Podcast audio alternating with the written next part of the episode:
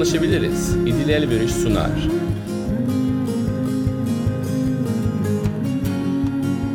Bu programda dönüşüm koçluğunu Koç Rana Beri ile konuşacağım.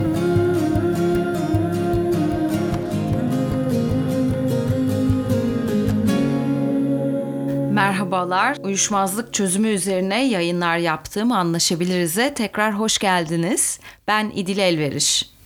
Bu programın konusu dönüşüm koçluğu bilindiği üzere çatışma, uyuşmazlık alanı ya da alternatif çözüm yolları alanı oldukça interdisipliner. Her alanın katkısı oldukça kıymetli ve herkesin yapabilecekleri var. Çünkü biliyoruz ki her duruma uyan tek bir yol her durumda en doğru yol olmayabilir ve zaten çatışmanın karmaşık dünyası düşünüldüğünde belki de interdisipliner çalışma en uygun olan şey. Daha önce de bir koçu ağırlamıştım anlaşabiliriz de takım ve ilişki koçluğu yapan ve kurumsal uyuşmazlıklar üstüne çalışan konuğum Ejder Aydoğdu olmuştu.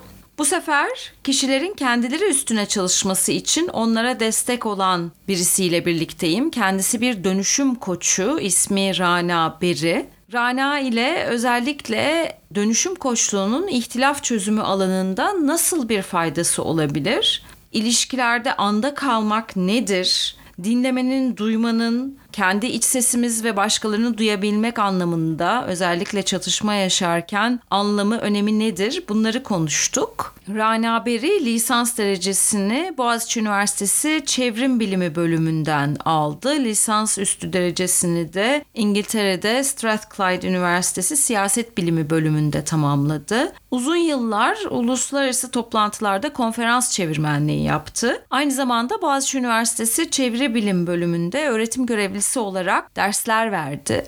Ancak daha sonra kariyer değişikliği yaptı ve iki tane koçluk okulunu bitirerek akredite bir koç oldu. 2010 yılından beri de profesyonel koç olarak çalışıyor. Kendisinin Anda Kalmak ve ilişkilerde Anda Kalmak adında iki tane kitabı var ve aynı zamanda Rana Beri ile Anda Kalmak adında bir podcast'i de var. Şimdi kendisiyle 14 Ekim 2021 tarihinde yapmış olduğum mülakata geçebiliriz. Rana, dönüşüm koçluğu nedir? Biraz anlatabilir misin? Tabii dönüşüm koçluğu farklı koçluk çeşitlerinden bir tanesi. Özellikle kişinin koçluk içerisinde elde ettiği farkındalıktan yararlanarak bunu hayatının birçok alanına yayması ve hayatını farklı açılardan dönüştürmesi için yapılan koçluktur. Bu farkındalığı ihtilaflarda nasıl kullanabilir kişi?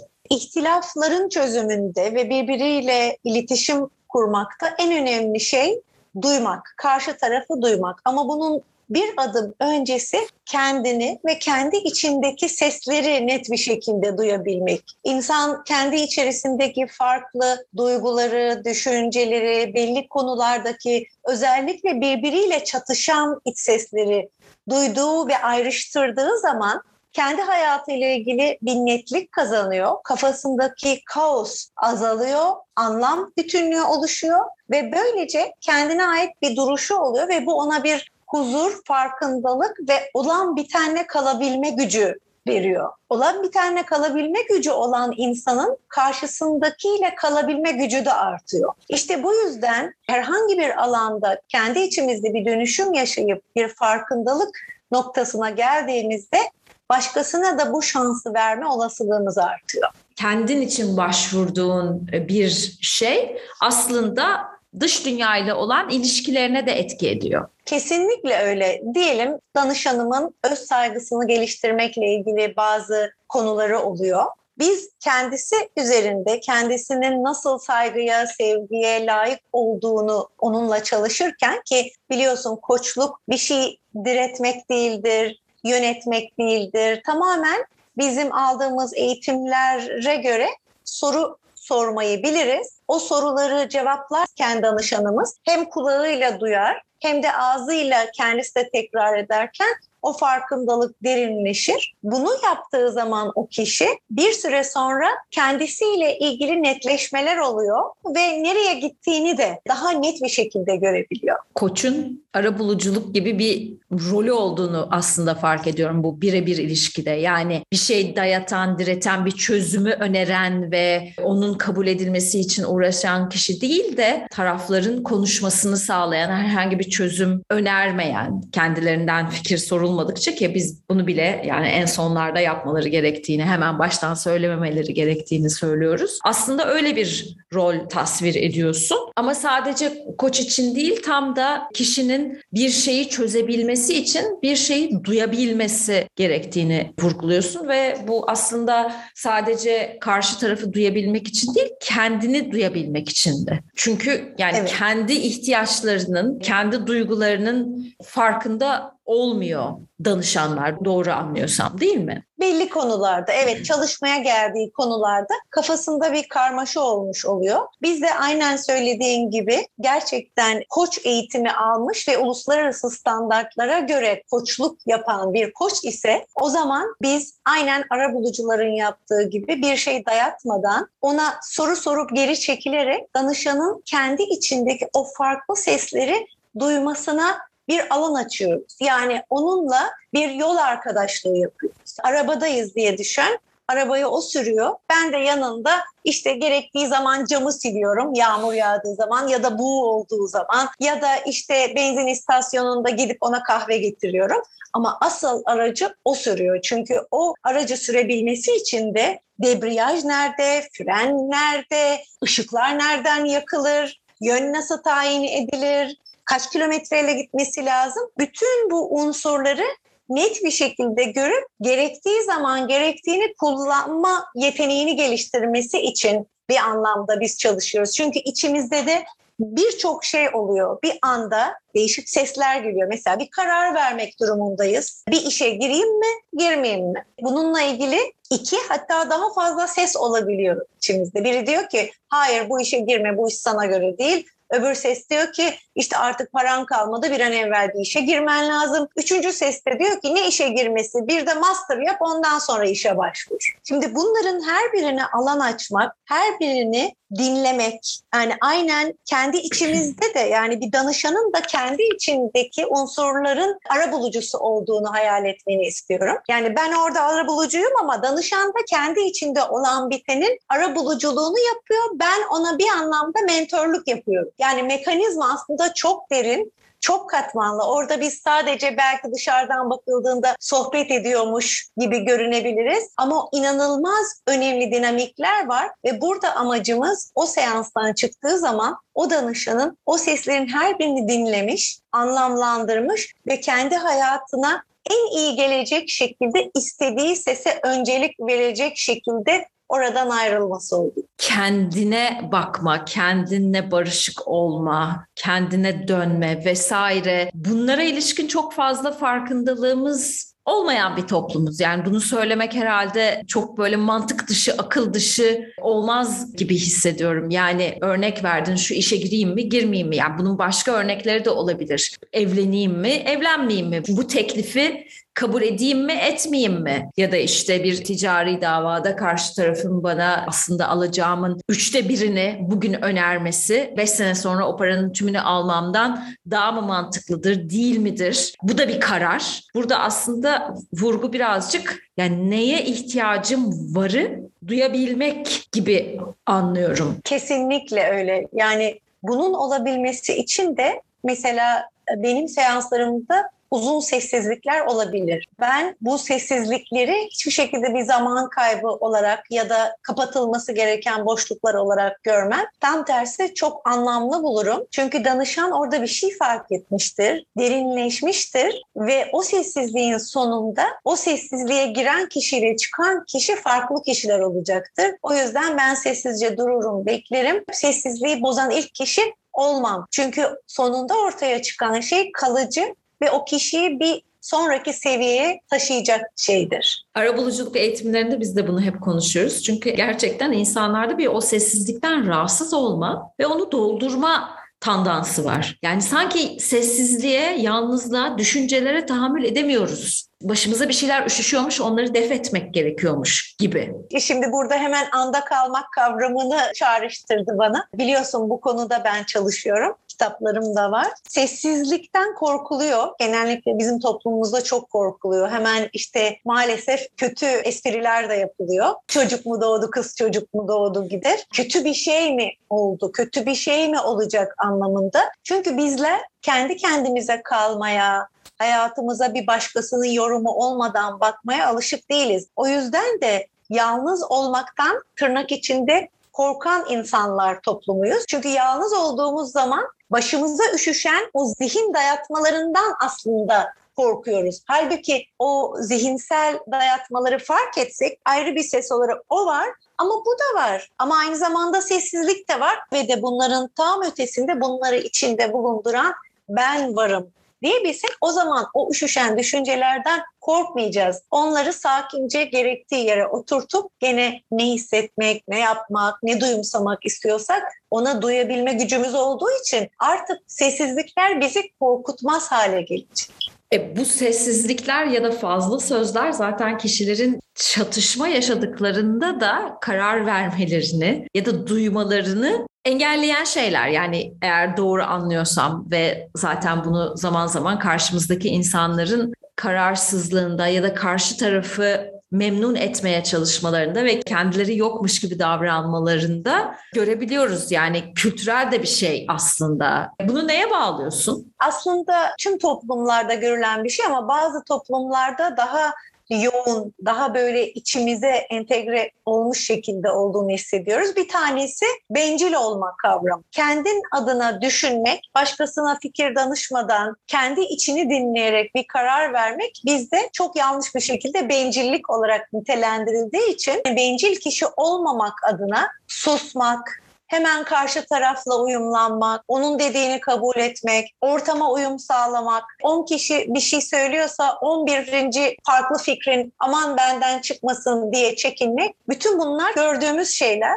ama bunların sonucunda ne oluyor? Bireyler kendi orijinallikleriyle, kendi farklı sesleriyle, kendi o evrime katkı diyeceğimiz farklılıklarıyla ortaya çıkamadıkları için çok monoton, kuru, bir anlamda da üzücü bir hissiyat ortaya çıkıyor. Bir derin keder ortaya çıkıyor. Belki de toplumumuzdaki kederli, acı dolu dizilerin, şarkıların bu kadar popüler olmasını da buna bağlayabiliriz. Yani onlar bizim normumuz olmuş artık. Dolayısıyla biz de onları benimsemişiz. Hayat adeta böyle gidiyor, böyle geliyor gibi bir kabulleniş. Bu aslında kalıcı olmayan çözümlerin de sanki yolunu döşer gibi. Yani başkalarını memnun etmek, başkalarının hakkımızda iyi konuşmasını sağlamak için yapılan bir takım şeylerin kendimizi mutlu eden ya da kendi ihtiyaçlarımızı karşılamayan ya da çok geçici olarak karşılayan şeylere hedeme, onay verme gibi bir sonuç yaratmasına da gidiyor gibi hissettim bu anlattığınız şeylerden. Çünkü evet. bir ikincileşme var. Evet kesinlikle çünkü başkasının üzerine dikilen giysi bir süre sonra orasından burasından dikişlerini patlatıyor. Ya çok büyük oluyor üstünden düşüyor ya çok daralıyor seni sıkıyor bunaltıyor. Üstünden çıkarıp atmak istiyorsun. Yani çözüm kalıcı olmuyor. Bir yerlerden o bizim öz varlığımız, öz irademiz patlamaya, baş göstermeye, filizlenmeye, sesini duyurtmaya çalışıyor. Maalesef böyle toplumlarda da bunun genellikle şiddet yoluyla ya da tam tersi aşırı kendimize zarar verici davranışlarla ortaya çıktığını görüyoruz. Halbuki bunun bir orta yolu var. Orta yolu da ara buluculuktan, karşısındakini dinlemekten, kendini önce dinleyip karşısındakine de Dolayısıyla bu özgürlüğü tanıyabilmekten geçiyor. İnsanlar çatışmadan korkuyorlar. Neden korkuyorlar sence? Yani bütün bunları yaparlarsa çünkü bir çatışmaya gidecekler ve çatışmayı hep olumsuz bir şey olarak görme eğilimi var. Yani eminim bunu danışanlarda sen de görüyorsun. Bu, bunu evet. nasıl açıklayabilirsin? Ya insan davranışlarında iki tür dinamik oluyor genellikle. Korku ya da sevgi. Yani bir şeyi korkudan dolayı yaptığımız zaman onun sonuçları insan ruhuna iyi gelmiyor. Belki kısa dönemde bir çözüm oluyor ama bir süre sonra bir yerlerden sorunlar patlak vermeye başlıyor ve hiç istemediğimiz bir yöne doğru hayatımızda gitmeye başlıyor. Sevgiden kaynaklanan özellikle e, İngilizce'de self-love deniliyor. Bizde bir türlü oturmuyor kendine şefkat, kendine sevgi ama mesela İngilizce'de self-esteem vardır öz saygı için. Bizde ona da ona da saygı deniyor. Kendini sevmek deniliyor. Yani işte kendine şefkat göstermek ama sonuçta biz bunu yeniden tanımlayacak olursak ben olduğum için kendimi sevmek ve kendimi kucaklamak diyeceksek buna eğer bunu başlangıç noktası alıyorsam yaptığım her karar, attığım her adım kalıcı oluyor. Çünkü bana, benim DNA'ma, benim ruhumla uyumlu oluyor ve hizalanmış oluyor. Ama korkuyla atılan adımlar bir süre sonra bir yerlerden çatlak veriyor. Geçenlerde işten ayrılmış bir üst düzey danışanım oldukça endişeli. Çok geçmişte parlak bir kariyeri var ve kendi isteğiyle ayrıldı en son işinden de. Ama birden yeni bir işe girme kaygısı içine girdi.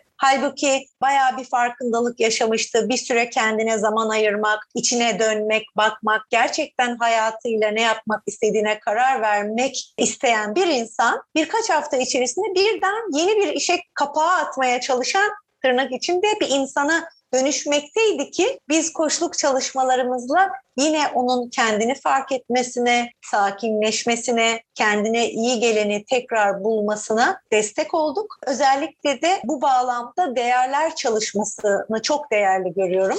Değerler kişinin kendisine ait, hiç kimsenin birbirine benzemeyen bir değerler çemberi vardır. Biz bu çemberle de çok çalışırız. Yani sen idil olarak hayatında olmazsa olmazlarım vardır. Biz bunun için özellikle birkaç seans ayırarak önce o kişinin değerlerinin o çembere oturturuz. Mesela senin çemberinde adalet vardır, sağlık vardır, paylaşma vardır, yenilik vardır. Adaletin çiğnendiği bir iş yerinde mutlu olamaz. Orada çalışmayı sürdüremezsin ya da öyle bir durumun olduğu bir yerde işe başvurman seni mutsuzluğa mahkum eder. Dolayısıyla aslında çok basit, somut gibi görünen bir yöntemle biz baştan o kişinin yanlış yere sapmasını, kendine rağmen bir şey yapmasını önlemiş oluyoruz bu koşluk seansında. Tek tek değerlerin üstünden geçiyoruz. O değerlerine şu andaki yaşadığına puan verdirtiyorum ben ve duygulara, düşüncelere, orada kendini nasıl hissedeceğine dair ve kendisi böyle bir iş yerinde kesinlikle çalışmak istemediğini fark ediyor ve öyle bir işe başvurmuyor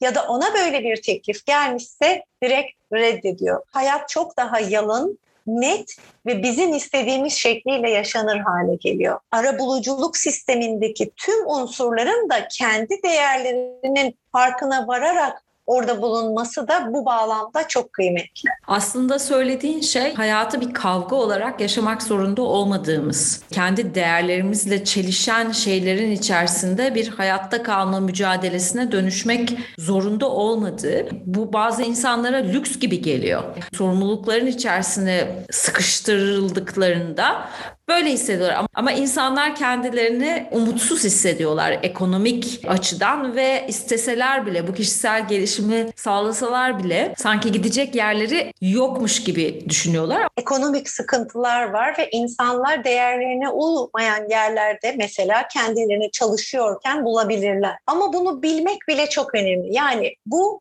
iş yerinde olanlar benim değerlerimle uyuşmuyor ama ben şu andaki çocuğumun okulunun parasını vermem gerektiğinden dolayı, işte borcum olduğundan dolayı belirli bir süre için buradayım. Ama ben ilk fırsatta, ilk fırsatta benim değerlerime uygun yere geçeceğim düşüncesi kişiye güç ve umut veriyor ve o zor koşullara dayanabilmesini sağlıyor. Halbuki bu değerlerinden habersiz olmuş bir şeylerden rahatsız ama tam ne olduğunu anlamıyor. Bir mücadele içinde bir kavga, gürültü, öbürü ne oluyor? Tamam ben bu işte çalışıyorum ama şu anlık bir şey bu ve bu mecburiyetinden dolayı diye onu tanımladığın zaman o daha yaşanabilir hale geliyor. Yine arabuluculuk konusuna tekrar dönmek istiyorum. Tabii ki herkes herkesle hemfikir olacak değil. Bir miktar tavizi her çatışmada hepimiz bir miktar diyorum ama bak çok önemli. Değerlerimizi çiğnetmeyecek kadar yapıyoruz. Ama o arada bir mesafe var. Yani o iki tarafın buluştuğu bir ortak üçüncü alan var. Ben tamam buraya kadar evet diyorum ama sen de buraya kadar evet diyorsun. Aradakinde ikimiz de birazcık özveride bulunuyoruz noktasına ancak ve ancak değerlerimizin ne olduğunu bilirsek netleşip girebiliriz. Öbür türlü kafamızda karman çorman ne istediğimizi, neyin bizim için önemli olduğunu bilmediğimiz zaman her şey önemli zannediyor. Halbuki her şeyin e, önemi yok. Ve karşımızdakinin de kendine ait bir önem sırası var. Kendi üzerinde çalışmak, kendini fark etmek her şeyin başı diye düşünüyorum. Bunun için illa pahalı çalışmalar yapmak, seminerlere gitmek, koşluk seanslarına gitmek şart değil. Kitaplar okuyabiliriz, podcastler dinleyebiliriz. Çok kıymetli podcastler var, YouTube videoları var. Artık çağımız kendimizi geliştirmeyi ve fark etmeyi de bir yandan da destekler halde. Bir kişi ne kadar zaman içerisinde bir dönüşüm sağlayabiliyor ortalama? Kişiden kişiye çok değişir ve bu konular derinleştikçe aslında daha da derinine gitmek isteyeceğin, seni çok keyiflendiren, kendi gelişimini gördüğün için seni çok mutlu eden çalışmalar. Ki herkesin kendine ait belli bütçesi olabilir. Haftada 50 dakikalık bir saat en maksimum çalışmalarımız oluyor ve herhangi bir belirli konuda danışanın çalışmak istediği konuda farkındalık elde etmek, somut elde etmeye başlamak ve hayatına entegre etmek ortalama 6 hafta sürer. Genellikle bilimsel veri budur. En az 6 çalışma, koşluk çalışması diyelim. Hı hı. Yerine oturması için Sonra o kişinin tekrar sorusu varsa sorması için birazcık orada egzersiz birlikte yapabilmek, işte role playing yapabilmek, imgeleme çalışmalarına yer vermek, iyice sağlamlaştırmak için. Ama tek bir seansta bile yaşamsal dönüşüm yaşayan ve hayatında farklı bir gözlükle yaşamaya başlayan insanlar biliyorum. Hepsi çok kıymetli yani her yapılan çalışma çok kıymetli koçluk eğitimi almaya başladığında kendinde böyle bir değişim dönüşüm yaşamış mıydın yoksa onun içerisinde her gün yaşamaya devam ediyor musun? Çok güzel bir soru. Koçluk eğitimleri alanların aslında kendileriyle ilgili de çok netlik kazandığına ben inanıyorum. Ve buna her gittiğim eğitimde şahit oldum. Hem kendimde hem bütün oradaki sınıf arkadaşlarımda. Zaten psikolog, psikiyatrist, koç yani insana yardım etmeye isteyen arabuluculuk bunların hepsinde bir konusu olanlar ve kendini tam ve bütünleştirmek isteyenler bu yollara giriyor. E, bu aracı oluyor. Yani her yardım ettiğinle, destek olduğunla birlikte sen de içinde bir şeylerin şifalandığını hissediyorsun. O yüzden kendisine en başta yararı oluyor. Yani bu koşluk eğitimlerinden sonra koşluk yapmayan çok insan tanıyorum. Hatta çoğunluk bu şekildedir. Ama derler ki ben artık farklı yaşıyorum hayatı. Bizim koçluk bakış açısı dediğimiz bir şey vardır. Mesela çocuğun okuldan gelir, arkadaşıyla yaşadığı bir kavgayı anlatır, yüksek sesle ağlar, bağırır. Senin orada duruşun çok önemlidir. Yani şöyle birkaç farklı seçenek olabilir. Ne yaptı sana? Git yarın sen de ona aynısını yap denilebilir. ya da sakince bir koç edasıyla durup peki sen nasıl hissediyorsun ve yarın o çocukla karşılaşınca ne yapmak istersin diye karşındakini güçlendirici sorular sorabilirsin. O yüzden kendisi için de kişinin çok kıymetli buluyorum bu eğitimleri. İlişkilerde anda kalmayı biraz anlatabilir misin? Yani bunu illa ikili ilişkiler üzerinden düşünmek zorunda değiliz. Eşimizle, ailemizle, iş yerinde, arkadaşlarımızla da düşünebiliriz. Biraz açıklayabilir misin rica etsem? Tabii ilişkilerde anda kalmak kitabında 20 küsur hikaye var. Her biri de bu dediğim farklı ortamlarda insanların ikili ilişkilerinde ve çoklu ilişkilerinde çeşitli hikayeler içeriyor. Bu hikayeleri de ben yazdım. Mesela bir bölüm var öğreterek ve öğrenerek anda kalmak. Yani öğretmen ve öğrenci dinamiklerinde gerçekten o ilişkinin içerisinde dinleyerek, anlayarak, gerektiğinde durarak var olmanın ilişkinin nasıl evrimine yol açtığını, ortaya çıkan sonucun her iki tarafı da çok geliştirdiğini gösteren örnekler. Bunun yapılmadığında neler olduğunu anlatan hikayeler var. Alternatif sonlar yazdım neler olabilir. Yine yetişkin evlat olmak yani hasta ve bakıma muhtaç ebeveynle anda kalmak. Çünkü bu ilişkinin de dinamikleri farklı. Ama birçok ilişki türünün de ortak noktası orada ne olursa olsun durabilmek. Yani bir şeyi değiştirmeye çalışmadan, sessizlikleri bozup bir şey söylemeye çalışmadan, ya da karşı tarafı en önemlisi değiştirmeye çabalamadan orada sadece durarak çıplak insan halimizde durmak bunun çok öncelikli ve önemli bir şey olduğuna inanıyorum. Çok teşekkürler bunu vurguladığın için. Aslında bu çok zor bir şey. Ebeveyn kısmını düşündüğüm için Türkiye giderek daha fazla yaşlanan ve işte batılı filmlerde gördüğümüz gibi zaman içerisinde yaşlı insanların yurtlarda vesaire bakım evlerinde olduğu bir